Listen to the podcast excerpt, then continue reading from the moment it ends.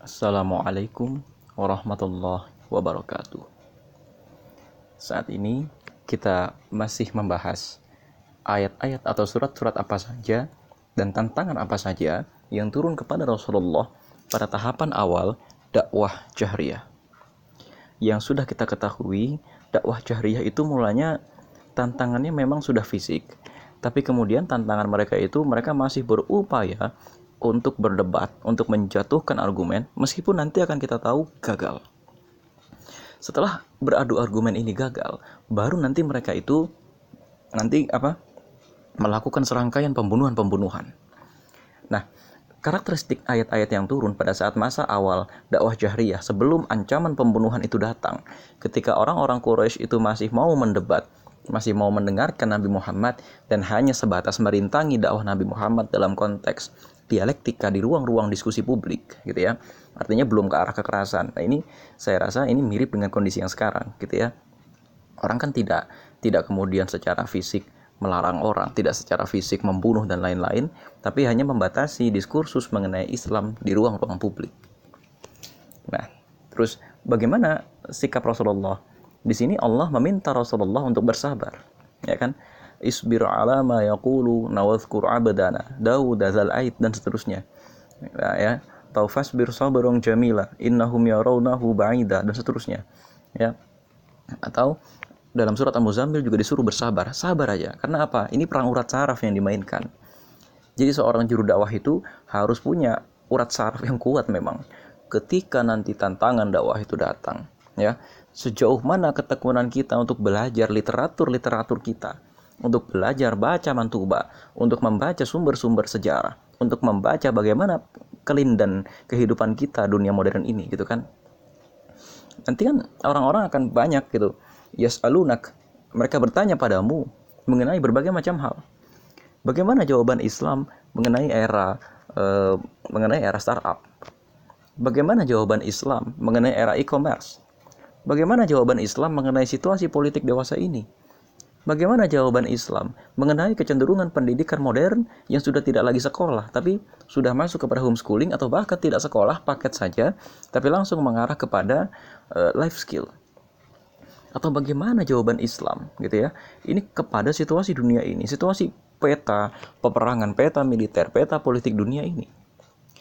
Jawaban-jawaban semacam ini carinya itu nggak bisa kalau kita hanya mengandalkan ya kita keluar ke ustadz kalau kita kita hanya mengandalkan kita anak pesantren, nggak bisa.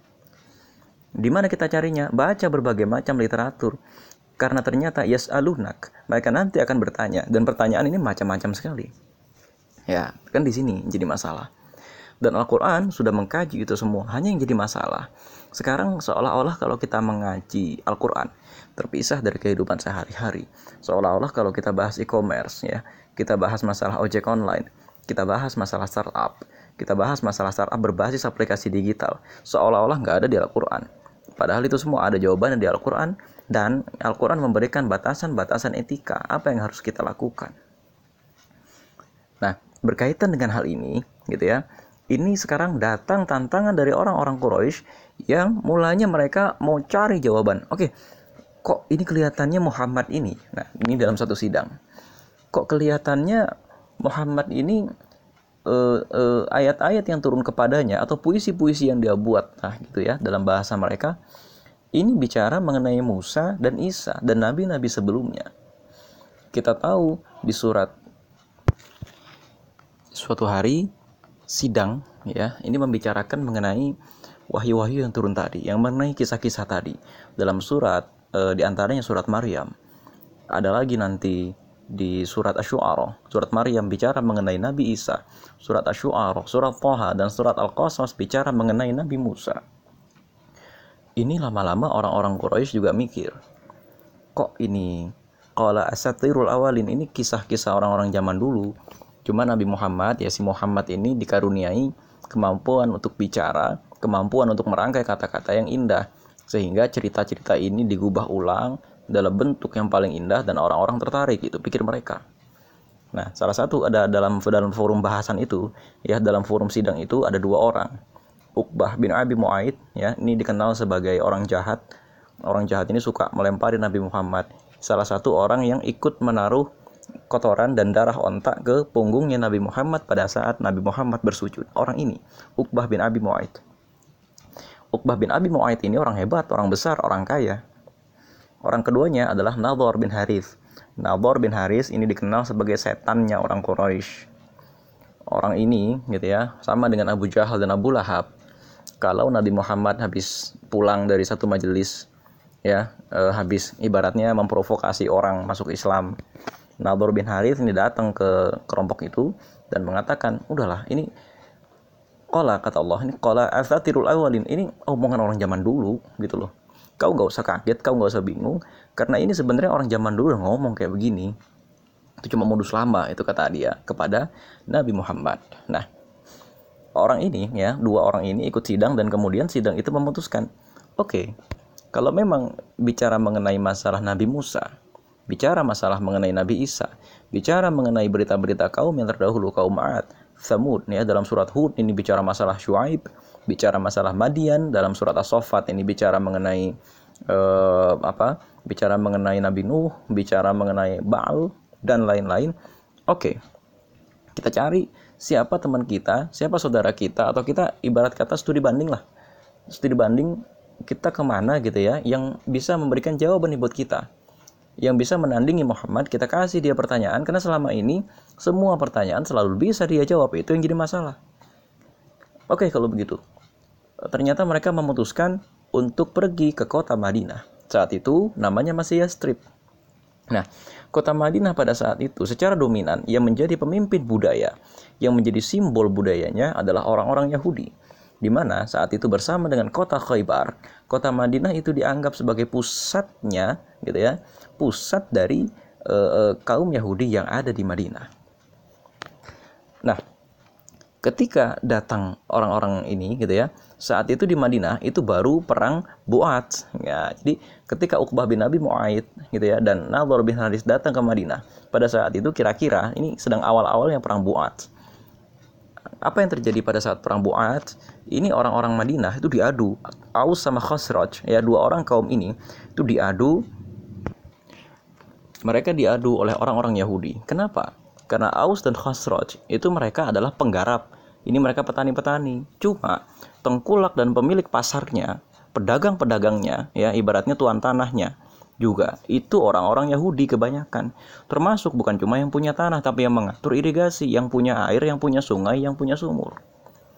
Nah, akhirnya berhasil dikomporin dan mereka pun berperang. Perang ini sampai habis dan perangnya ini cukup lama.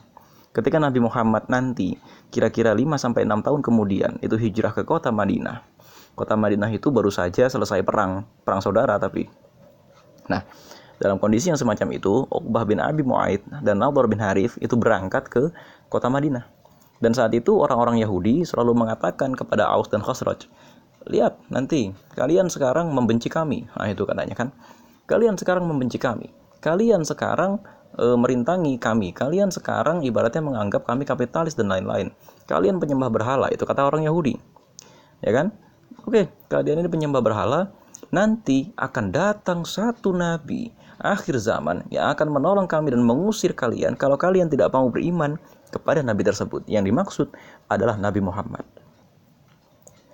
Tapi kan nanti kita tahu ya ceritanya.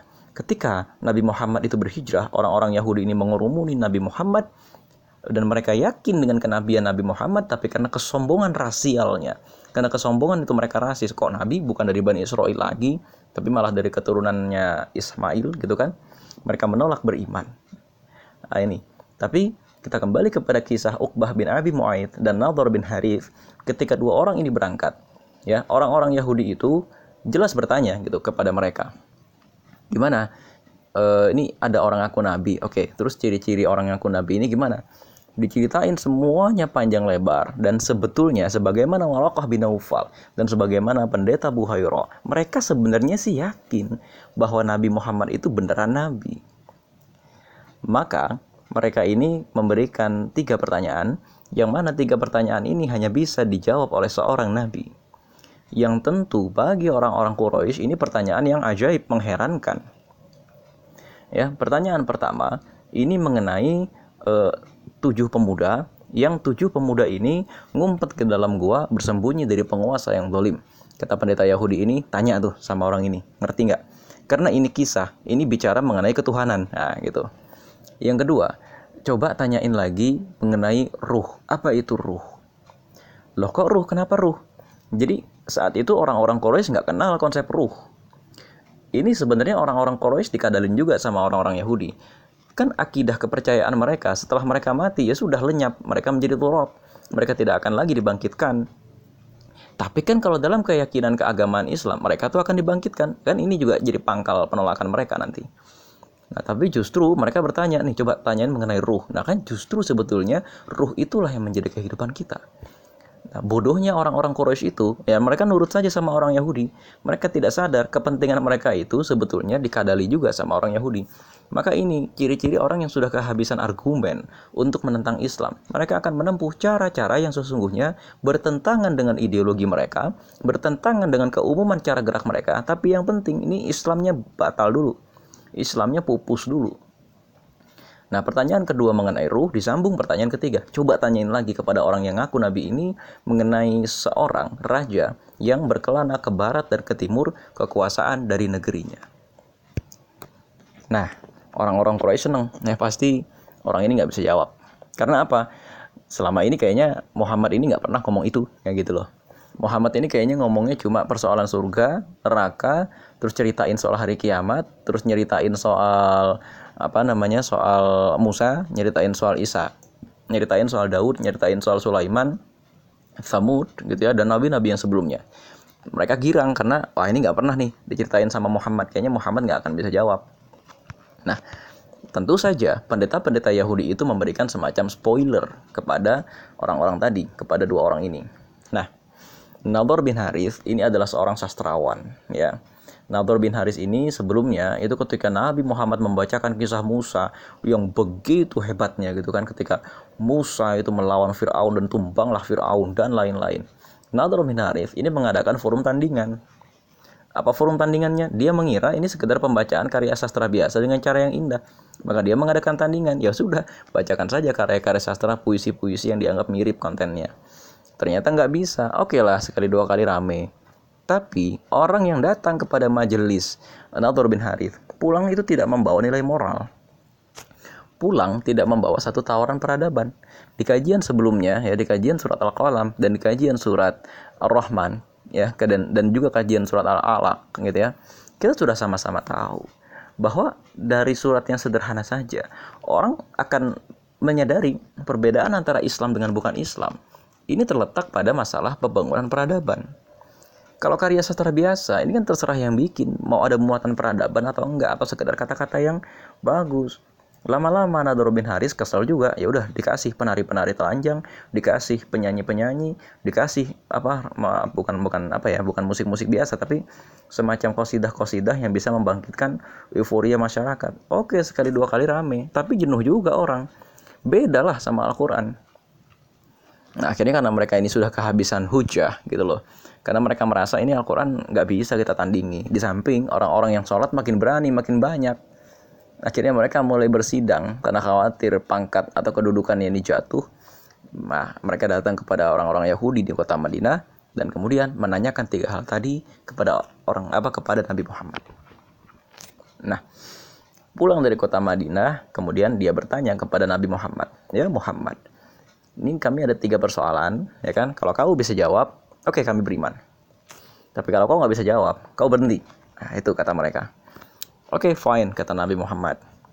Ditanya tiga persoalan tadi tentang Ashabul Kahfi, tentang ruh, dan tentang Zulkarnain. Tentang uh, Zulkarnain itu pemuda atau raja yang berkeliling timur dan barat dari kekuasaannya. Nanti nyambungnya kepada kisah Ya'juj dan Ma'juj. Apa kata Nabi Muhammad? Oke, okay, besok. Besok akan saya terangin jawabannya. Nabi Muhammad berharap Allah malam itu akan menurunkan wahyu. Nah, ini di sini sebenarnya inti kisahnya inti kisahnya itu bukan masalah surat uh, bukan masalah surat al-kahfinya bukan masalah surat al-isra-nya atau juga bukan masalah uh, kisah Zulkarnain kisah uh, ashabul kahfi atau bukan juga ruhnya tapi kisah ini adalah tentang bagaimana cara kita memperlakukan dakwah setelah ternyata Rasulullah itu menjanjikan besok ya besok.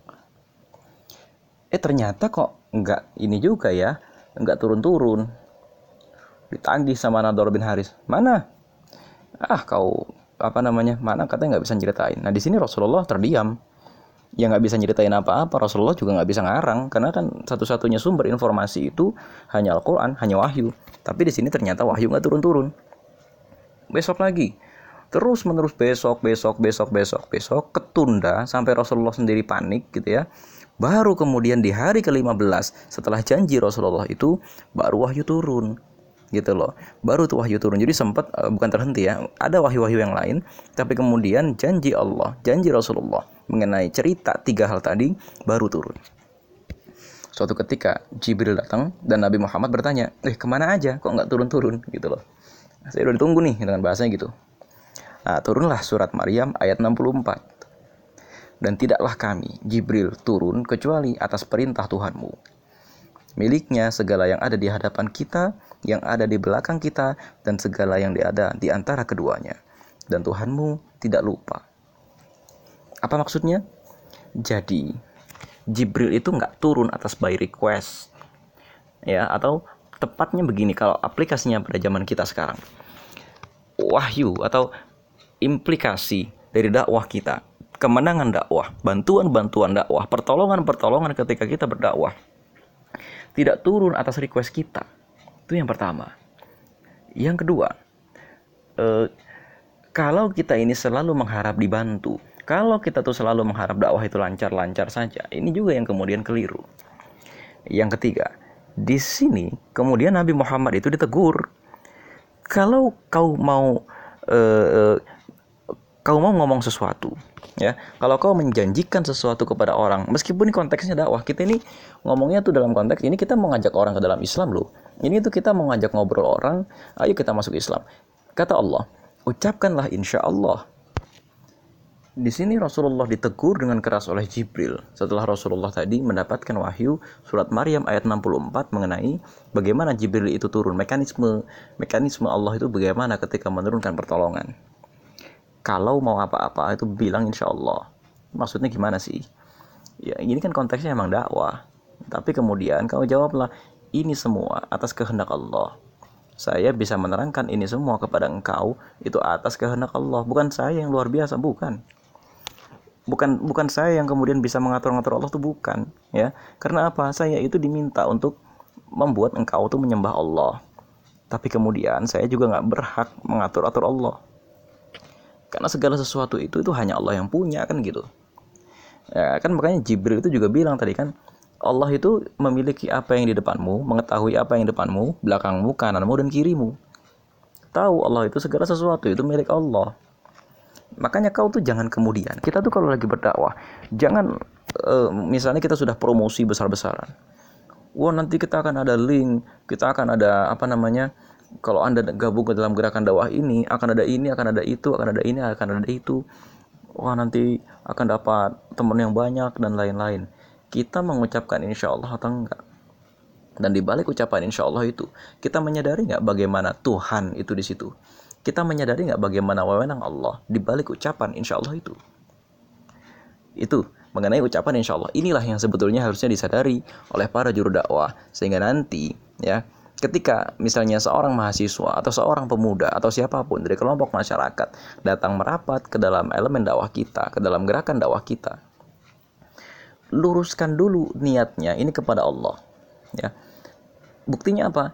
Kita sendiri, ya, sikap kita itu mengucapkan insya Allah, bukan kemudian terus ngomong ya pasti nanti, insya Allah, tuh gitu ya, pasti pasti, nggak begitu, gitu loh karena ini kan sifatnya itu cuma aksesoris dakwahnya. Kisah-kisah semacam ini itu itu cuma pengembangan dari dakwah. Inti inti dari dakwahnya itu kita menyembah Allah titik.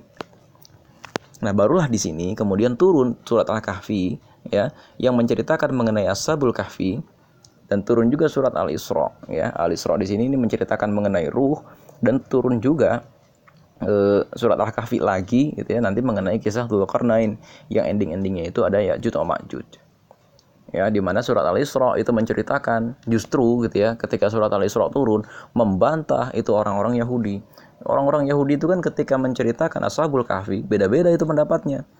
Ada yang mengatakan 5, 6, 7, 8, 9. Ada yang mengatakan tepatnya di sini di situ. Kata Allah tuh salah semua. Nih yang bener begini, jepret. Nah, masalah ruh. Nah, orang-orang mengira bahwa nanti Muhammad nggak bisa jawab nih. Ternyata Nabi Muhammad menjawab begini. Seperti surat Al-Isra ayat 85. Dan mereka bertanya kepadamu tentang ruh. Nah, itu. Katakanlah, Ruh itu termasuk urusan Tuhanku, sedangkan kamu diberi pengetahuan hanya sedikit. Artinya, ya terbatas. Kita tuh nggak disuruh memperdalam soal ruhnya, tapi yang diminta diperdalam kita itu masalah hari kiamatnya.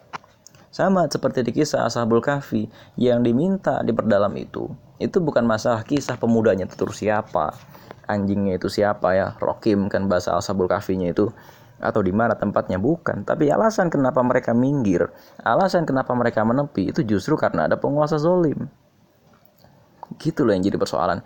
Ini kan ngomong ini pengikut-pengikut Muhammad itu minggir itu sebenarnya itu gara-gara engkau tuh zolim kan jadi sebenarnya apa yang mereka tanyakan itu itu malah menjadi penyebab kepukul balik mereka iya saya zolim kan gitu malu sendiri pada persoalan ruh ini Ya, mereka mengira jawabannya akan panjang lebar. Oh, ruh itu begini-begini seperti sebagaimana jawaban dukun. Justru nanti kalau Nabi Muhammad itu menjawab ruh dengan detail, ruh itu bisa begini, bisa begitu, itu kayak dukun malah. Tapi Nabi Muhammad ya diminta menjawab dengan cerdas. Ruh itu urusan Tuhanku, sedangkan kamu diberi pengetahuan hanya sedikit. Nah, terus apa yang menjadi urusan manusia? Urusanmu itu bukan ruhnya, tapi ketika engkau itu tinggal ruh, ketika engkau nanti dibangkitkan ruhmu itu ya, kalimat apa e, dalam surat Al-Infitor gitu ya idza tama'u fatarat wa idzal kawakibu tafarat wa idzal kuburu bu'firat. Ketika kubur itu dibongkar. Ya dan ruh itu dikembalikan, kau dibangunkan. Qiyamu yang gurun. Yang jadi urusanmu itu itu bukan teknis kiamatnya. Yang jadi urusanmu itu bukan teknis ruhnya itu gimana setelah mati itu gimana ruhnya teknisnya bukan. Tapi yang jadi urusanmu itu amal kebaikanmu itu sudah cukup atau belum? Kan kenapa sih orang-orang Quraisy itu menolak hari kiamat? Karena mereka takut. Lah kalau hari kiamat itu ada, kejahatan-kejahatan besar kita selama ini akan dibalas dong. Kan ciri-ciri orang jahat sebetulnya bukan mereka yang melakukan kejahatan saja, tapi ciri-ciri orang jahat itu mereka berupaya menihilkan atau menetralkan kekuasaan penegak hukum sehingga kejahatan mereka bisa legal atau kejahatan mereka tidak dibalas. Maka ketika Nabi Muhammad ditanya mengenai ruh, itu bukan urusanmu, itu urusan Tuhanku, itu urusan Tuhanmu. Urusan kita apa? Amal, kebaikan. Nanti ketika kita dibangkitkan menjadi ruh, itu gimana urusannya kita ini? Nah, itu baru. Nah, selanjutnya. Selanjutnya, mereka juga bertanya dalam surat Al-Kahfi, "Wa yas'alunaka an Qarnain." Dan mereka bertanya kepadamu tentang Zulkarnain. Kul, ya, sa'atlu alaikum minhu dzikra. Akan kubacakan kepadamu kisahnya azikro jadi yang dibacakan itu bukan kisah dalam konteks. Akan kubacakan kepadamu ceritanya. Bukan akan kubacakan kepadamu peringatan apa? Azikro peringatan apa yang ada dalam kisah Zulkarnain itu? Jadi penting nih untuk kita kalau Al-Quran itu itu jangan dikutip bahasa Indonesia-nya saja. Maka yang dikatakan di sini ya saal tu alaikum minhu zikro. Akan kuceritakan padamu peringatannya. Akan kukabarkan padamu apa isinya sesungguhnya dari kisah itu. Artinya gini, ini kan cerita Zulkarnain itu tentang satu kaum yang lemah yang meminta bantuan kepada Zulkarnain dan Allah menolong kaum itu melalui perantaraan Zulkarnain tadi. Dan ending dari kisah ini itu ditutup dengan uh, nanti ya Jud dan Makjud yang jahat itu itu akan dibalas di hari kiamat ya. Dan kemudian mereka akan diperlihatkan neraka jahanam sebagai balasannya. Soal ruh itu mereka apa namanya mereka malah keserang balik nah soal ashabul kahfi itu mereka keserang balik sekarang soal Zulkarnain mereka juga keserang balik. Jadi maksud mereka itu mau membungkam Nabi Muhammad tapi ternyata jawaban dari Allah itu membuat mereka kejengkang balik. Kan jawaban Allah itu di endingnya begini ayat 100 dari surat Al-Kahfi ya.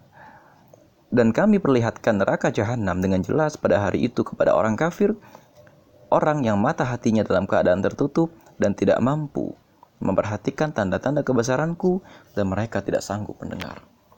Artinya ya Ya'juj Ma'juj ini karena kejamnya gitu kan. Mereka tidak mau berbuat kebaikan. Sehingga Allah menolong orang-orang yang mereka zalimi itu dengan perantaraan Dzulkarnain. Nah, kan ini kan sebenarnya kalau kita paksakan ya memang e, dalam arti di sini Zulkarnain itu penolong ya memberikan apa tembok dan lain-lain. Meskipun orang zaman sekarang itu fokusnya kepada siapa itu ya atau Ma'jud gitu kan dan bagaimana nanti mereka dan lain-lain. Tapi bukan itu arah fokusnya. Gitu ya. E, tapi arah fokusnya adalah ya ini masalahnya itu ya Jud Ma'jud atau kita Zulkarnain itu sebetulnya masalah kaum yang zolim itu pasti itu akan di apa namanya dicegah oleh Allah dari kesulimannya dengan berbagai macam cara. Soal ruh intinya itu itu bukan masalah bukan masalah ruh itu gimana, tapi masalah ketika kita dibangkitkan kembali nanti akan gimana. Soal ashabul kahfi itu juga bukan masalah terus pemudanya berapa ya, orangnya siapa. Si anjingnya itu e, berapa orang atau berapa ekor anjing dan lain-lain. Bukan itu itu yang jadi masalah. Maka di ayat ke-13 gitu kan, itu dikatakan kami ceritakan kepadamu kisah mereka dengan sebenarnya sesungguhnya mereka adalah pemuda-pemuda yang beriman kepada Tuhan mereka dan kami tambahkan petunjuk kepada mereka. Justru digituin sama Allah. Ini mereka orang-orang beriman ya mereka ini orang-orang beriman ketika mereka itu dikejar sama kaum yang zolim dan ketika mereka berteguh hati mereka berkata Tuhan kami adalah Tuhan langit dan bumi. Rabbus samawati wal ard. Tidak menyuruh Tuhan selain dia. Ya justru gitu kan dibalas kaumnya itu kaum yang telah menjadikan Tuhan-Tuhan selain dia. Dan lain-lain maka kemudian mereka menyembunyikan dirinya. Kan itu sebenarnya. Jadi ini tuh cerita ya sebenarnya mungkin pertanda hijrah juga. Nanti suatu saat mereka itu akan hijrah. Dan suatu saat gitu ya uh, uh, mereka itu akan mendapatkan satu penolong ya penolong itu mungkin di sini berupa Dzulkarnain yang memberikan pelat-pelat besi tadi kalau di kisah Ashabul Kahfi ini gambaran bahwa suatu saat mereka akan ngumpet akan bersembunyi ya, gitu kan tapi yang jadi masalah bukan itu di ayat 26 ditegaskan Allah lebih mengetahui berapa lamanya mereka tinggal di goa. Enggak itu nggak penting. Itu kata Allah intinya. Alangkah terang penglihatannya dan alangkah tajam pendengarannya. Tidak ada seorang pelindung pun bagi mereka selain dia. Dan dia tidak mengambil seorang pun menjadi sekutunya dalam menetapkan keputusan. Ini pemuda yang beriman, bersembunyi, dan kemudian Allah mengatakan bahwa dirinya itu tidak bersekutu dengan siapa pun untuk menetapkan satu keputusan tipu daya mereka gagal semua. Artinya di sini Nador bin Haris tahu ini adalah permainan logika tingkat tinggi. Ini adalah permainan debat ya, yang debat ini sukses mengalahkan mereka. Nah, kira-kira itu yang bisa kita bahaskan hari ini mengenai tadabbur surat Al-Kahfi, surat Al-Isra dan surat Maryam mengenai pertanyaan orang-orang Quraisy untuk mengalahkan Nabi Muhammad tapi justru bisa dijawab dengan baik. Assalamualaikum warahmatullahi wabarakatuh.